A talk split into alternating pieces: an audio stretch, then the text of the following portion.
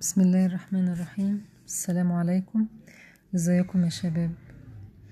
آه هنبدأ النهاردة إن شاء الله أول محاضرة معاكم في مناهج البحث الإعلامي.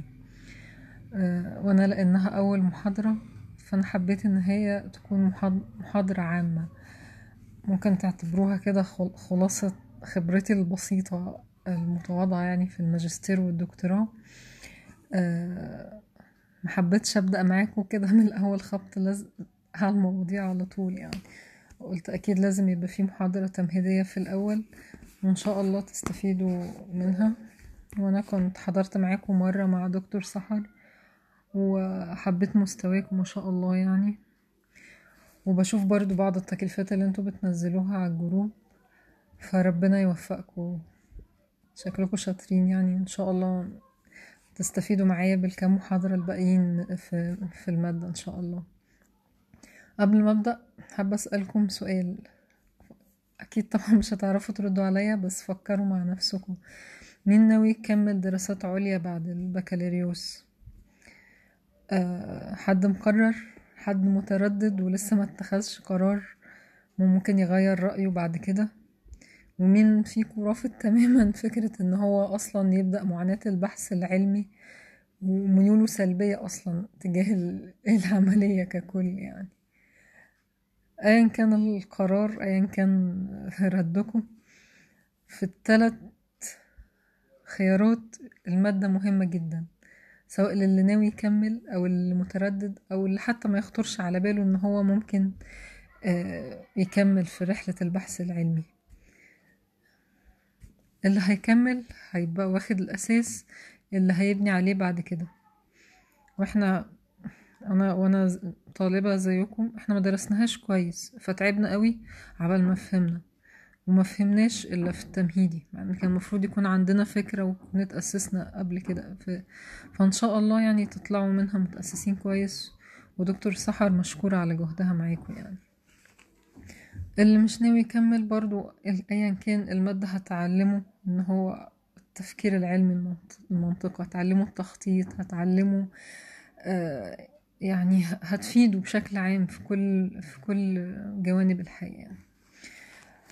آه، خلينا ندخل في الموضوع على طول عشان ما نبقاش بنرغي كتير آه، مش عايزة أطول عليكم بداية عايزين نتخيل عملية البحث العلمي عشان نبسطها كده بأن هي مثلث ليه ثلاث أضلاع رئيسية. الضلع الأول هو الإطار المعرفي. الضلع التاني هو الإطار النظري. القاعدة العريضة بتاعة المثلث هو الإطار المنهج المنهجي والإجرائي. أكيد عندكم فكرة طبعا عن كل إطار بس ببساطة يعني. الإطار المعرفي معناه الموضوع الإشكالية اللي أنت هتبحث فيها. ودي أساس البحث العلمي. إشكالية يعني معلومات عندك سواء جبتها آه، أي بقى من مصادرها بقى من دراسات سابقة من معايشتك للواقع من من تعرضك لوسائل الإعلام أيا كان. بس هو ده المقصود بالإطار المعرفي اللي هو الركن ضلع أساسي في البحث العلمي. الإطار الضلع التاني هو الإطار النظري. كانت دايما حتى أساتذتنا بيسموه النضارة تحدد إطار نظري ده هيسهل عليك كل مراحل وخطوات البحث لأنه على أساسه بيتحدد كل حاجة. على أساسه بتحدد بتبني نور بالإطار المنهجي والإجرائي وبتحدد نوع الدراسة. الإطار النظري ببساطة هو النظرية. النظرية اللي بتأسس عليها بحثك في خطواته وإجراءاته وال... وال... من ناحية تانية هي بتتيح إن أنت تفسر النتائج اللي وصلت ليها هي دي فايدة النظرية بغض النظر عن إن في دراسات كتير بتوظفها كبرواز أو شكل وتيجي في الواقع وأنت. بتبص للدراسة هتلاقي النظرية محطوطة مجرد منظر لا استفاد بيها في تفسير النتائج ولا في تعليل ال... ال... ال- اللي وصل له من بحثه الضلع الثالث القاعدة العريضة للمثلث هو الإطار المنهجي والإجرائي.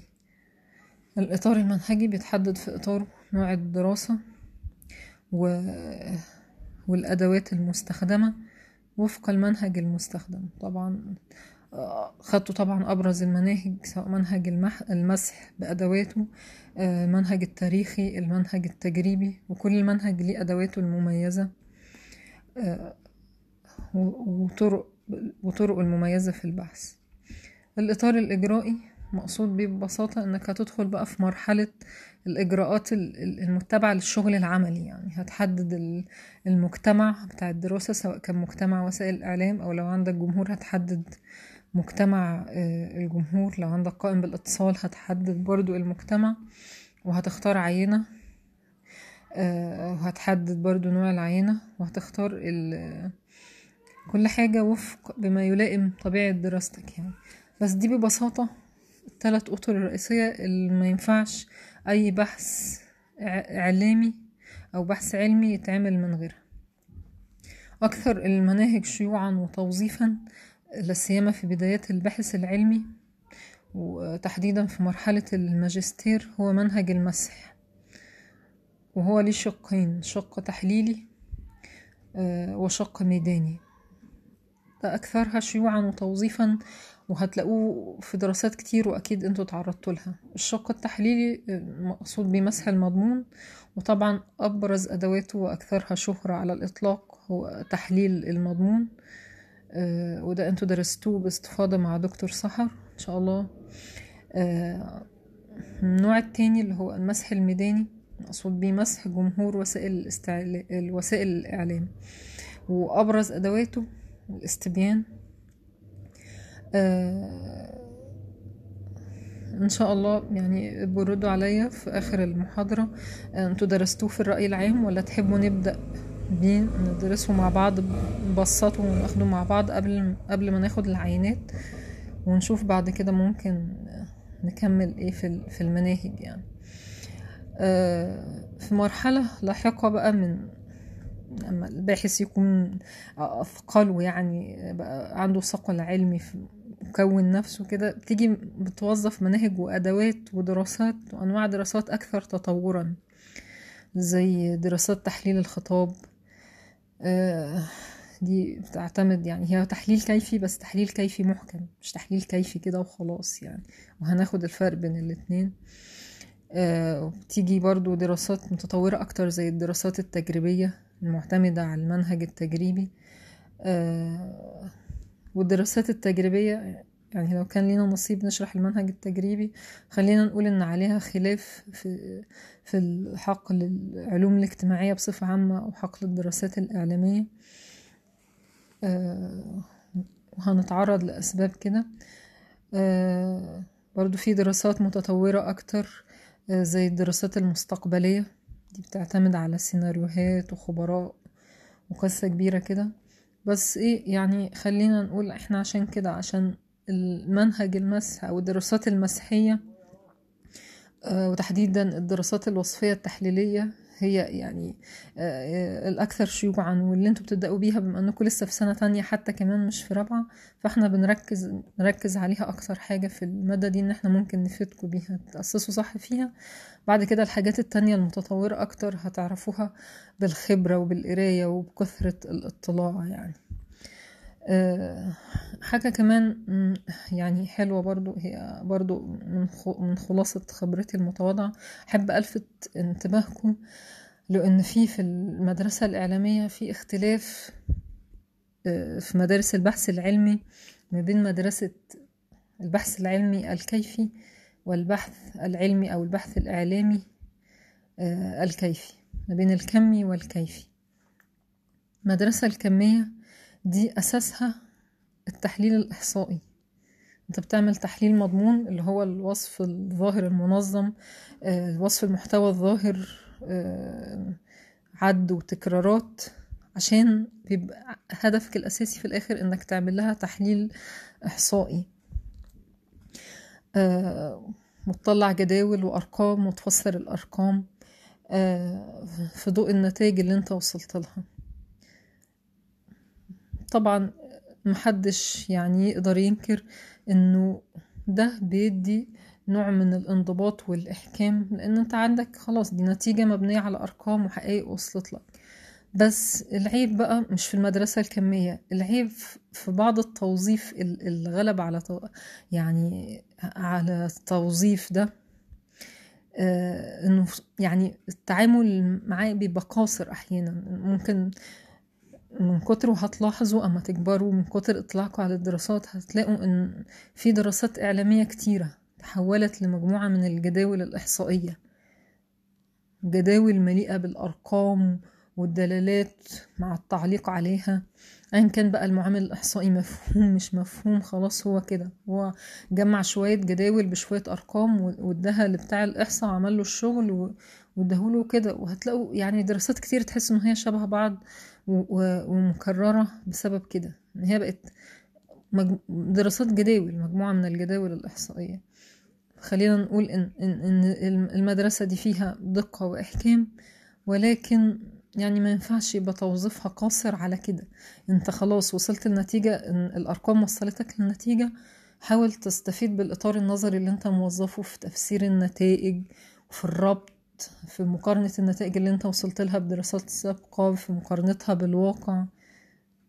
هو ده اللي بيعمل التميز والاختلاف في المدرسة دي.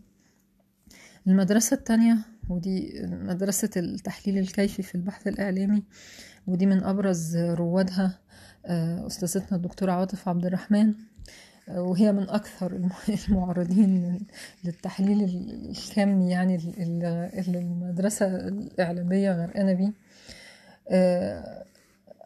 ببساطة مدرسة التحليل الكيفي يعني بتسمح بقدر من الذاتية من الذاتية للباحث العلمي تعلي من ذاتية الباحث تسمح بقدر من ظهور شخصية الباحث العلمية. يعني روادها بيقولوا إن البحث العلمي روح وفكر مش مجرد مصفوفة أرقام. آه وده جميل حلو جدا. ولكن طبعا هتيجي تبص للانتقادات الموجهة ليها هتلاقي إن فكرة التحليل الكيفي غير المقنن بتفتقر لفكرة الضبط والدقة والإحكام العلمي والقياس اللي إحنا عندنا في التحليل الكمي لازم يبقى ليه صدق وثبات آه عشان ممكن تبني عليه وتكرر عليه نتائج تانية بعد كده يعني باستخدام نفس المقاييس. فانت كده يعني ممكن هتحول البحث العلمي ده, ده, ده اللي بينتقد المدرسة دي اللي مجرد انطباعات أو خواطر آه، في الآخر هتلاقيه مش فارق عن شغل الصحافة وشغل الأدب. آه، ده ده الانتقادات الموجهة ليها. عشان كده في يعني برضو هتلاقي طب إزاي نوظف التحليل الكيفي صح؟ برضو يعني دي برضو مرحلة أكثر تطورا بس أنا بديكوا فكرة عامة بوسع مداركوا بوسع رؤيتكوا للبحث العلمي. آه يعني مفيش مانع يبقى في تحليل كيفي محكم. مفيش مانع. زي مثلا مدارس تحليل الخطاب و... وتحليل الخطاب أنا شايفة إن هو نوع من التحليل الكيفي بس في نفس الوقت برضو ليه استمارة وليه مقاييس وليه آه، قياس صدق وكل حاجة. وبرضو في نفس الوقت بيبقى فيه نوع من ال... من يعني من الباحث يظهر شخصيته شوية في التحليل يعني مش زي ال... التحليل المضمون يعني. فكل حاجة كل مدرسة ليها حلول. أهم حاجة إنك تستفيد بال... بالمزايا بتاع كل مدرسة آه وخ... يعني السؤال برضو لو أنت بتحط نفسك في الآخر إيه الحل؟ ما هي دي ليها انتقادات ودي الانتقادات. الحل ببساطة أنت هتكتسبه مع خبرتك. كل ما قريت واحتكيت وتعلمت هتبني وجهة نظر حكيمة هتكون شخصيتك البحثية المميزة. آه أنا في دكاترة يعني أجزم إن أنا بعرف أقدر أتعرف على أعمالهم أو دراستهم من غير ما أقرأ الاسم. خلاص دي دراسة مكتوبة بلغة علمية وصنة بحثية متميزة وجوانب بحثية جديدة غير مطروقة أنا ممكن أخمن يعني حاجة خلاص أنا ممكن في مجال الصحافة طبعا تحديدا أقصده آه، أنا ممكن أتوقع الاسم ده اللي كاتبها. لا ده أسلوب كذا. لا ده, ده المجال ده بتاع كذا. كل واحد بيبني شخصيته وتميزه وتفرده آه، من خبرته. وده كلام حلو قوي ان شاء الله اللي هيستفيد بيه اللي حابب يكمل وهو الموضوع ممتع يعني وشيق جدا. حد حتى لو تهيألك في الأول إن هو ملل وشغل وتعب ومش شغلي ده أنا هشتغل في الصحافة أنا مالي بالبحث العلمي. أصلا حتى في الصحافة بيبقى يعني الصحف الكبيرة بيبقى ليها مراكز أبحاث وبيبقى فهم الشغل ده أصلا حلو قوي وأساسي آه، إنك ممكن يعني آه، توظفه في شغلك. مش بس فكرة إنك هتكمل في الماجستير أو الدكتوراه. كمان يعني. آه، احتكاكك الدائم بالمكتبة والبحث العلمي برضو هيوضح لك إن الكثير من الرسائل العلمية متشابهة. آه، يعني وخصوصا مش, مش عايزة أعيب في مجال معين زي مجال ال- التلفزيون مثلا بس أنا كنت بشوف فيه دراسات كتيرة شبه بعض. شيل مثلا قنوات كذا وحط قنوات كذا. وف- نفس ال- الأمر في الصحافة برضو عشان ما نبقاش بنتجنى على التلفزيون. شيل صحف كذا وحط صحف كذا. شيل مواقع كذا وحط مواقع كذا. بتلاقي دراسات مكررة نفس الأسطمبة ونفس الإطار النظري والأدوات غيرت بس يا دوبك في العنوان في العينة في الجمهور آه، في الدولة في. مش عارف إيه. كانت طلعت موضة كده فترة دراسات الاستخدامات وال... والإشباعات يعني ده, ده مش عيب. مش عيب إنك تدرس دراسات استخدامات والاشباعات خصوصا لو لو وسيلة جديدة ولسه عايز تتعرف عليها يعني. بس ما تبقاش شغلانة بقى. كل كل حد عايز آه، يعمل رسالة يعني عناوين كتيرة مكررة شبه بعضها بس هو شال حاجة وحط حاجة. خلاص إيه إيه العائد اللي في الآخر؟ تلاقي في الآخر كتير تشابه علمي وكتير وقليل قوي ال- ال- المتميز ومتفرد وخصوصا يعني إن ده مجال علوم اجتماعيه أصلا. هو على قد ما هو سهل بس على قد ما التميز فيه صعب يعني. غير بقى السرقة العلمية المباشرة غير إنه في تكرار رتيب ومش ومشين في البحث العلمي تلاقي باحثين ناقلين الإطار النظري كده من من رسائل تانية زي ما هو. قلة بصراحة في مجال الإعلام ال- اللي بيغردوا خارج السرب وبيصنعوا لأنفسهم. تفرد متميز يعني آه،. لكن المتميزين معروفين ومش هقول لكم أسماء الناس اللي أنا بحبها وبحب أقراها آه، بس أنتوا هتكتشفوها بنفسكم مع الوقت. هتكتشفوا مين اللي شبه بعض ومين لا اللي متفرد وم- ومتميز في بحثه العلمي وفي لغته وفي أدواته وفي تحليله وربطه وتفسيره النتائج مش مجرد خلاص آه، تك تك تك شوية أرقام وديتها لبتاع الإحصاء وطلعت نتائج وعملت رسالة. لا البحث العلمي مش كده خالص يعني. أم، أهم نصيحة يعني في الآخر يعني مش عايزة أطول عليكم في أول محاضرة ممكن أقدمها للمهتمين بال- بالبحث العلمي. آه، كطلبة وإن شاء الله تكملوا يعني في الموضوع ده. أهم حاجة تهتم بالإشكالية البحثية. آه، صقلها والشغل عليها إبرازها بوضوح في العنوان هيوفر عليك عناء كتير وانتقادات أكتر. آه، ممكن آه، ممكن تواجهها يعني. خلينا مثلا نقول أمثلة. آه، أما أقول مثلا آه، أو معلش بصوا ممكن نخلي ال- الأمثلة لمحاضرة عن طريق زوم عشان يبقى فيه تفاعل أكتر. آه، مش هوجع دماغكم بيها. بس حتى يعني ممكن حتى هعملها لكم كأنها quiz ه- هحط لكم أو هحطها لكم في PowerPoint هقول لكم عناوين دراسات أنتوا من نفسكم هتقدروا تشوفوا إيه إيه المختلف فيها وإيه العادي وإيه اللي حاسس إنه شبه بعض. إيه الواضح إنه أحكم اختيار العنوان وظبط المتغيرات ووضحها في العنوان ووضحها في المشكلة البحثية. بتبقى باينة أصلا من مجرد العنوان. اللي تحس انه خلاص يعني دي خلاص دي معالجة كذا لكذا معالجة كذا لكذا وتغطية كذا لكذا وخلاص يعني مفيش مفيش جديد. غير الدراسات ال- اللي بتهتم بدراسة العلاقات أو التأثيرات أو تكشف عن متغيرات وسيطة أو أدوار في في حاجات معينة يعني. ده ده بيفرق وبي- وبيطلع نتائج مختلفة يعني وبحث علمي مختلف.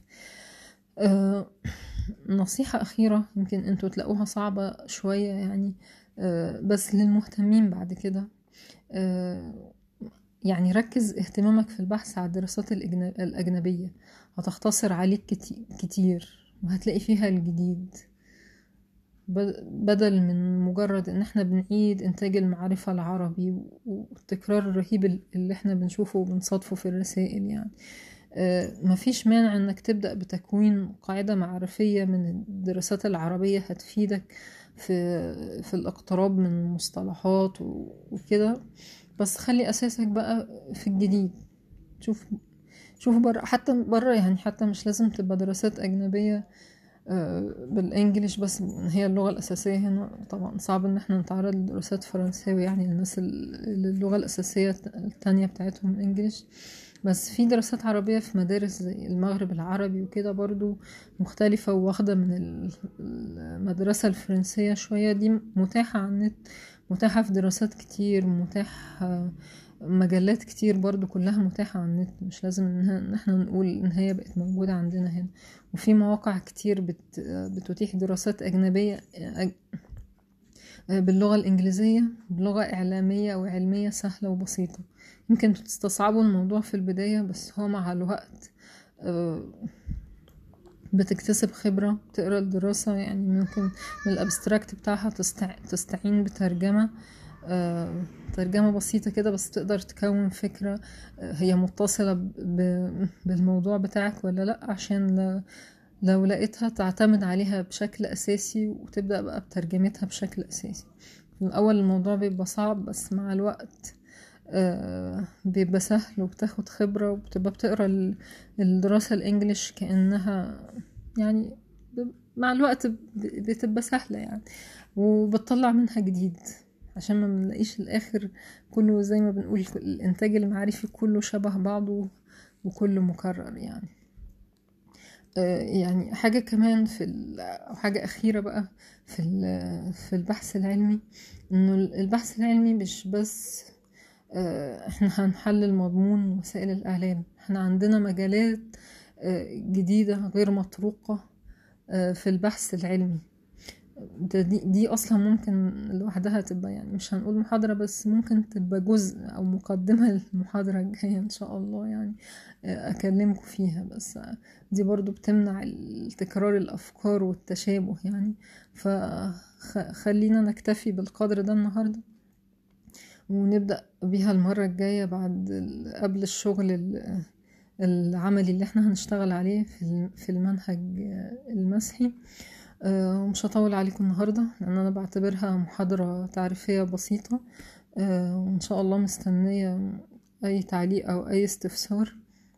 حابين نكمل على زوم آه، أنا ما عنديش مانع نتفق على ميعاد ونكمل سوا. وإن شاء الله أقدر أفيدكم في الفترة الصغيرة اللي باقية يعني إن شاء الله. و... آه، ومتشكرة جدا يعني. شكرا.